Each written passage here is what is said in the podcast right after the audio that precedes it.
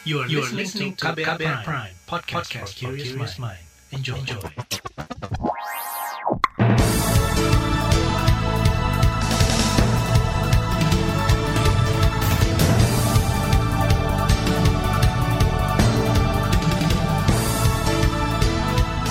Selamat pagi saudara, senang sekali kami bisa menjumpai Anda kembali melalui program Buletin Pagi edisi Rabu 10 Maret 2021 bersama saya Naomi Liandra. Sejumlah informasi pilihan telah kami siapkan di antaranya pemerintah pesimis vaksinasi tuntas dalam setahun. Menkumham minta Demokrat tak asal tuduh pada pemerintah. KPK geladah sejumlah lokasi dugaan korupsi program rumah DP 0%. Terbaru di Buletin Pagi.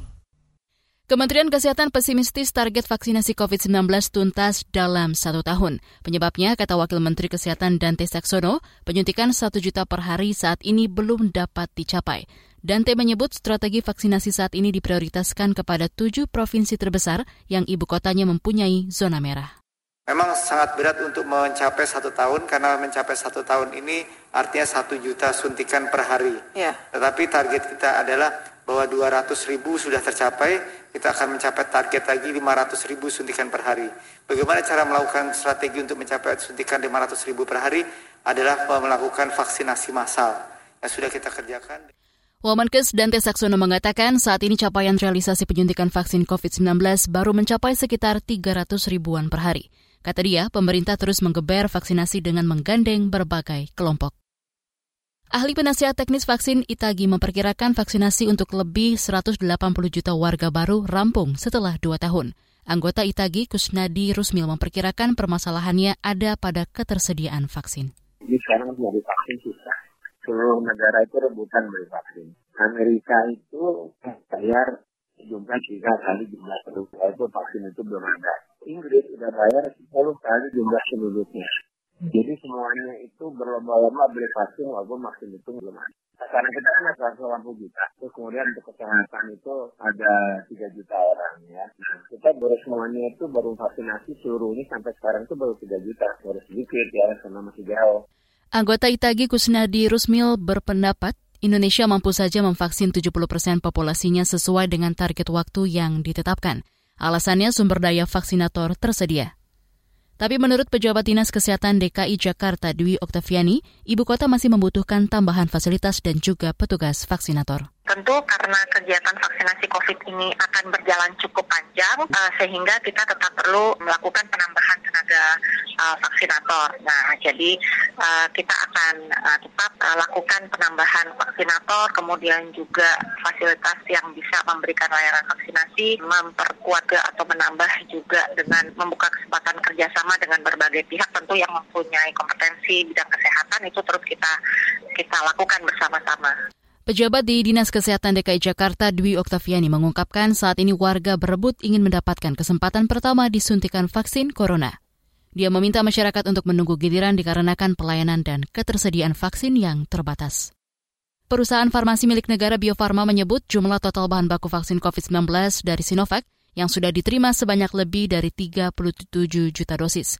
Juru bicara Bio Farma Bambang Herianto dalam rilis resmi yang diterima KBR mengatakan, hingga Juli total yang akan diterima sebanyak sekitar 154 juta dosis siap suntik. Pemerintah diminta perketat pintu masuk pasca ditemukannya varian virus dari Afsel dan Brasil. Informasinya akan hadir usai jeda. Tetaplah di Buletin Pagi KBR. You're listening to KBR Pride, podcast for curious mind. Enjoy!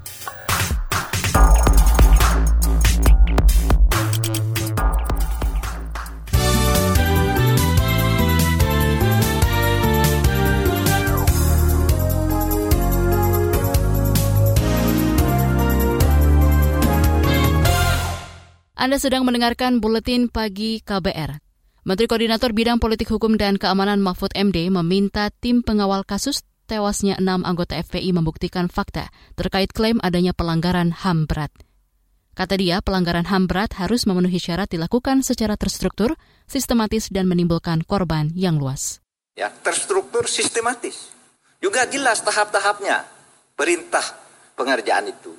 Itu pelanggaran HAM berat, masif, menimbulkan korban yang meluas. Kalau ada bukti itu, ada bukti itu, mari bawa Kita adili secara terbuka. Kita adili para pelakunya berdasar undang-undang nomor 26 tahun 2000. Nah, saya saya sampaikan begitu. Tadi silakan kami menunggu. Itu tadi Menko Polhukam Mahfud MD usai kemarin mendampingi Presiden Jokowi menemui tim pengawal kasus tewasnya enam anggota FPI. Tim meminta peristiwa penembakan yang terjadi awal Desember lalu ditetapkan sebagai pelanggaran HAM berat. Amin Rais, salah satu anggota tim, juga meminta agar peristiwa itu dibawa ke pengadilan HAM.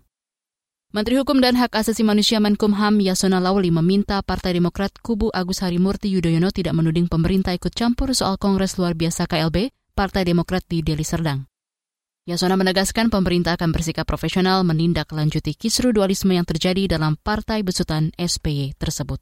Tolong Pak SBY dan AHY, jangan tuding-tuding pemerintah begini, pemerintah begini. Tunggu saja, kita objektif kok.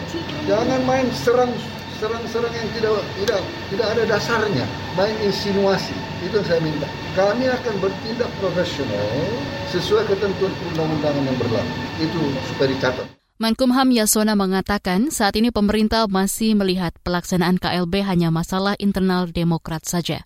Sebab kata dia, kelompok yang mengatasnamakan KLB tersebut belum menyerahkan laporan apa pun kepada Kementerian Hukum dan HAM.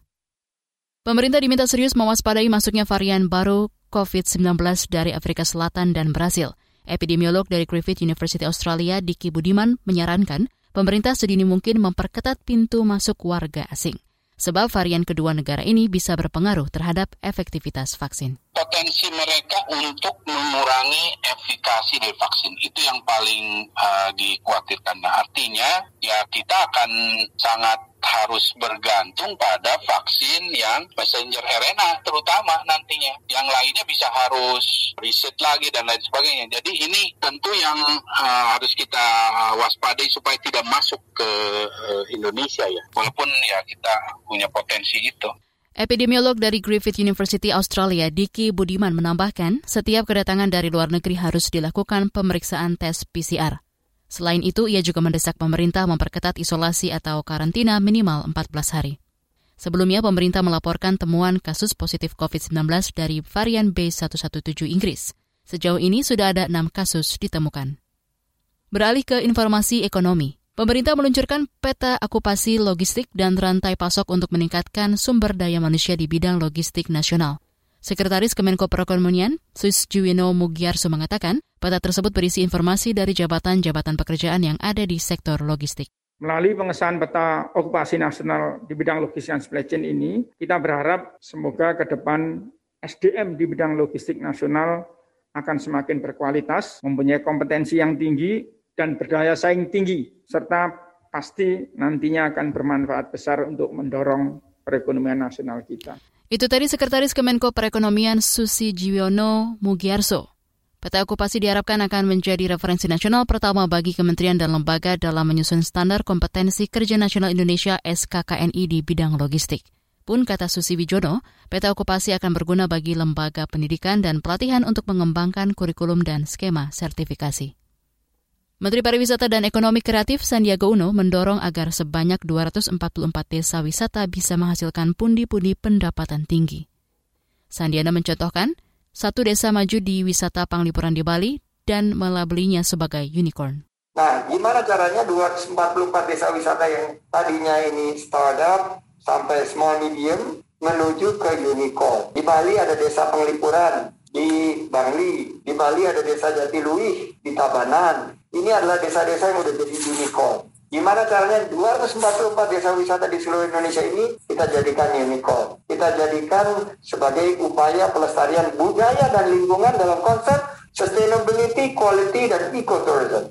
Menparagraf Sandiaga mengatakan, pengembangan desa wisata jadi salah satu dari enam langkah strategis untuk mempercepat pemulihan sektor pariwisata dan ekonomi kreatif di Indonesia. Langkah lainnya yaitu program stimulus hibah pariwisata, penerapan Travel Corridor Enrichment, pengembangan kawasan ekonomi khusus atau KEK, e program digitalisasi serta vaksinasi bagi para pelaku ekonomi kreatif. Kita ke mancanegara. Puluhan pengunjuk rasa di Myanmar didakwa mendorong pegawai negeri melakukan pemogokan massal. Ajakan tersebut dikategorikan sebagai tindakan kejahatan. Undang-undang tersebut baru-baru ini diubah oleh rezim junta militer menjadikan hukuman maksimal dua tahun penjara bagi mereka yang dinyatakan bersalah. Menurut pengacara yang menangani kasus para demonstran Tan Lewin Win, sekitar empat pengunjuk rasa di bawah umur dibebaskan setelah menandatangani surat jaminan bahwa mereka tidak akan ikut dalam demonstrasi. Pihak keluarga mengatakan total ada 92 pengunjuk rasa, 73 di antaranya laki-laki dan 19 perempuan ditangkap dan ditahan di penjara Obo, Mondalaya. Kita beralih ke informasi olahraga. Klub asal Jerman Borussia Dortmund melaju ke babak perempat final Liga Champions setelah menahan klub Spanyol Sevilla 2-2 dini hari tadi. Hasil itu cukup bagi Dortmund untuk menegaskan keunggulan mereka dalam dua leg 16 besar yang berakhir dengan skor agregat 5-4 atas Sevilla. Sevilla yang dibebani tugas membalikan kekalahan 2-3 di leg pertama mengawali pertandingan dengan agresif. Sayangnya, skor 2-2 tak cukup lagi bagi Sevilla untuk menghindarkan mereka tersingkir dari Liga Champions. Masih dari sepak bola, duel Arema FC versus PSIS Semarang bakal jadi laga pembuka gelaran turnamen pramusim Piala Menpora 2021 di Stadion Manahan Solo, Jawa Tengah. Piala Menpora 2021 akan berlangsung pada 21 Maret hingga 21 April 2021. Setiap harinya akan ada dua pertandingan yang digelar pada sore dan malam hari selama 35 hari ke depan. Begitu memasuki babak delapan besar, penyelenggara akan memakai skema grouping silang. Juara grup yang berisi lima tim akan bertemu runner-up grup yang juga berisi lima tim. Sementara juara grup yang berisi empat tim melawan runner-up grup berisi empat tim. Liputan khas KBR bertajuk Kawal RUU PKS sampai disahkan akan kami hadirkan sesaat lagi. Tetaplah di Buletin Pagi KBR. You're listening to KBR Pride, podcast for curious mind. Enjoy!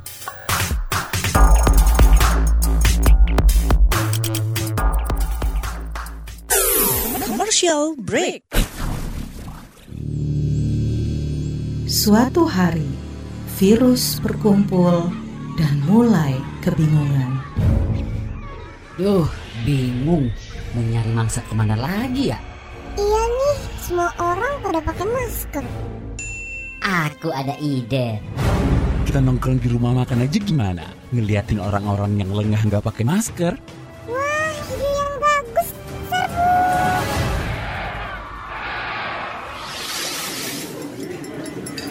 Hati-hati makan bersama saat pandemi. Sebaiknya pilih ruang terbuka, tetap jaga jarak kamu 1,5 meter jika duduk bersebelahan, 2 meter jika berhadapan. Batasi waktu makan bersama 30 menit saja dan jangan berbicara saat makan. Jika sudah selesai, gunakan kembali maskermu ya. Jangan sampai lengah, COVID masih ada. COVID masih ada. Pesan layanan masyarakat ini adalah kampanye bersama media lawan COVID-19.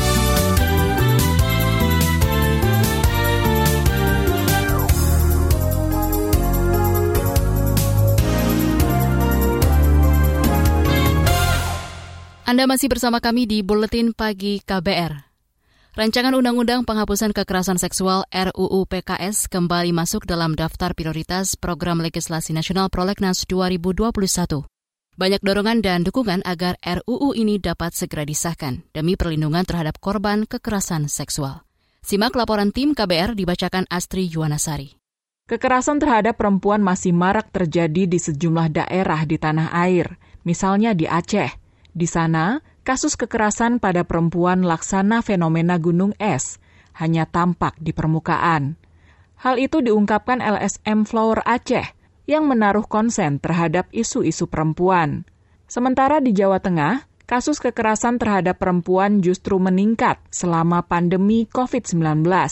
Lembaga Hukum untuk Keadilan Gender dan Hak Asasi Manusia LRC KJHAM mencatat ada ratusan kasus kekerasan di Jawa Tengah selama setahun pandemi. Kepala Divisi Informasi dan Dokumentasi KJHAM Citra Ayu mengatakan angka tersebut berdasar laporan sejak Maret tahun lalu dari hasil monitoring media, kemudian juga pengaduan kasus, dari 151 kasus kekerasan terhadap perempuan, 120 di antaranya perempuan mengalami kekerasan seksual.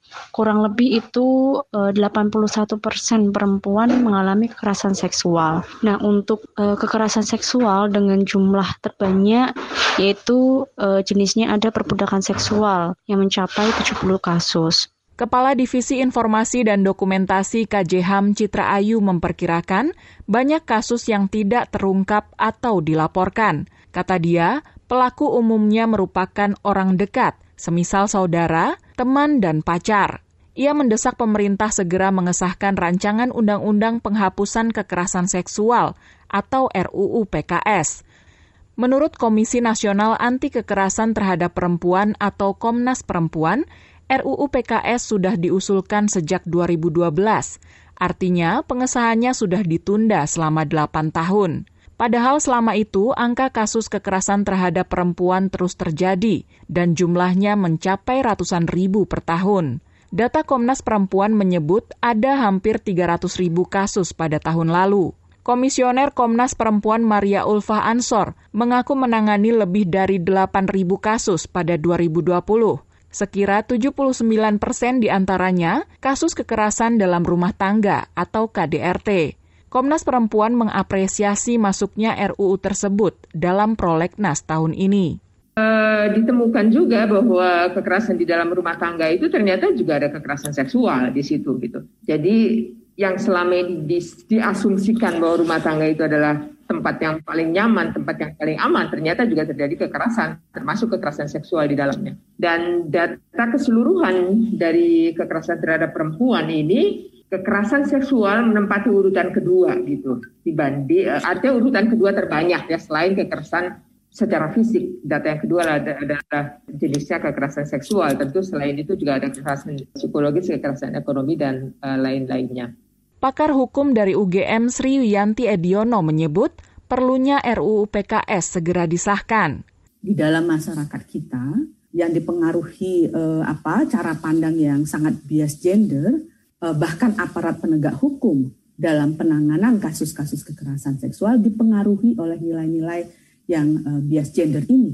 Eh, sehingga muncul apa yang disebut dengan judicial stereotyping, yaitu stereotip-stereotip yang berpengaruh di dalam bagaimana aparat penegak hukum menjalankan eh, peraturan-peraturan yang sudah ada yang menjadikan peradilan menjadi tidak independen, bahkan di tingkat penyidikan sendiri menyangkal keterangan korban, menstigma dan menyalahkan korban.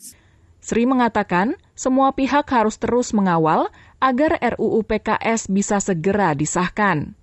Nyaris tidak mungkin RUU itu bisa sah kalau di dalam sendiri tidak bergerak. Nah ini yang uh, saya pikir sangat kita tunggu ya. uh, sinergi di dalam anggota DPR sendiri, terutama uh, anggota-anggota DPR perempuan untuk uh, memperjuangkan lintas partainya. Anggota DPR Luluk Nurhamidah mengatakan Perjuangan mengawal RUU PKS dari dalam memang cukup berat. Ia menyebut suara di parlemen mengenai RUU ini belum bulat. Masih ada beberapa fraksi yang menganggap RUU PKS justru berdampak buruk dari sisi agama. Kalau saja omnibus itu bisa diputuskan tanpa kemudian saat itu harus disetujui oleh semua fraksi di DPR, maka sebenarnya ini juga boleh dong berlaku yang sama uh, terhadap RUU PKS ini. Katakanlah misalnya ada satu atau dua fraksi yang tidak bersepakat, ya kan, di DPR. Tidak berarti bahwa kemudian RUU ini tidak bisa disahkan. Hmm. Karena apa? Karena kita punya contohnya. Demikian laporan khas KBR, saya Astri Yuwanasari. Informasi dari daerah akan kami sajikan usai jeda. Tetaplah di Buletin Pagi KBR. You're listening to KBR Pride, podcast for curious mind. Enjoy!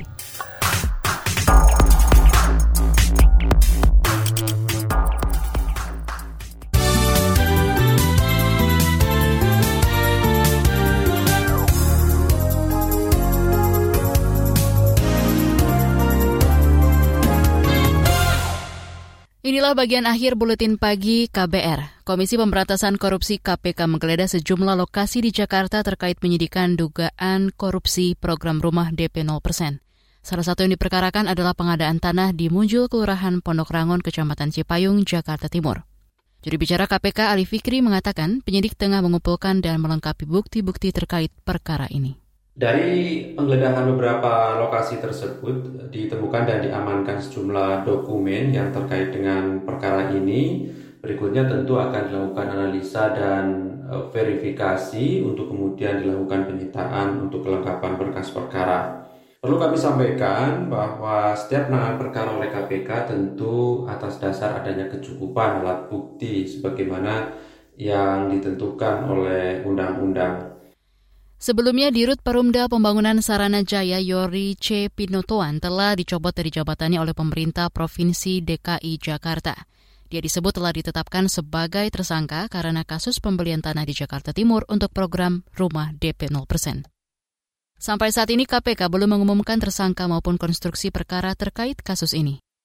Lembaga Hukum untuk Keadilan Gender dan Hak Asasi Manusia LRC KJHEM mencatat ada ratusan kasus kekerasan terhadap perempuan Jawa Tengah selama setahun pandemi COVID-19. Kepala Divisi Informasi dan Dokumentasi KJHAM Citra Ayu mengatakan angka tersebut berdasarkan laporan sejak Maret tahun lalu. Kata dia, kasus kekerasan kepada perempuan meningkat selama tiga tahun kasus kekerasan seksual selama masa pandemi COVID-19 ini dari hasil monitoring media, kemudian juga pengaduan kasus, dari 151 kasus kekerasan terhadap perempuan, 120 di antaranya perempuan mengalami kekerasan seksual. Kurang lebih itu 81 eh, persen perempuan mengalami kekerasan seksual. Nah, untuk uh, kekerasan seksual dengan jumlah terbanyak yaitu uh, jenisnya ada perbudakan seksual yang mencapai 70 kasus. Kepala Divisi Informasi dan Dokumentasi KJHAM Citra Ayu menjelaskan, kekerasan terhadap perempuan seperti fenomena gunung es yang hanya terlihat sedikit di permukaan. Kata dia, pelaku umumnya merupakan orang dekat, semisal saudara, teman, dan pacar. Ia mendesak pemerintah segera mengesahkan undang-undang penghapusan kekerasan seksual untuk mencegah kekerasan seksual dan melindungi korban. Informasi tadi menutup jumpa kita di Buletin Pagi hari ini. Pantau juga informasi terbaru melalui kabar baru, situs kbr.id, Twitter kami di akun @beritaKBR, serta podcast di alamat kbrprime.id. Akhirnya, saya Naomi Liandra bersama tim yang bertugas undur diri. Salam.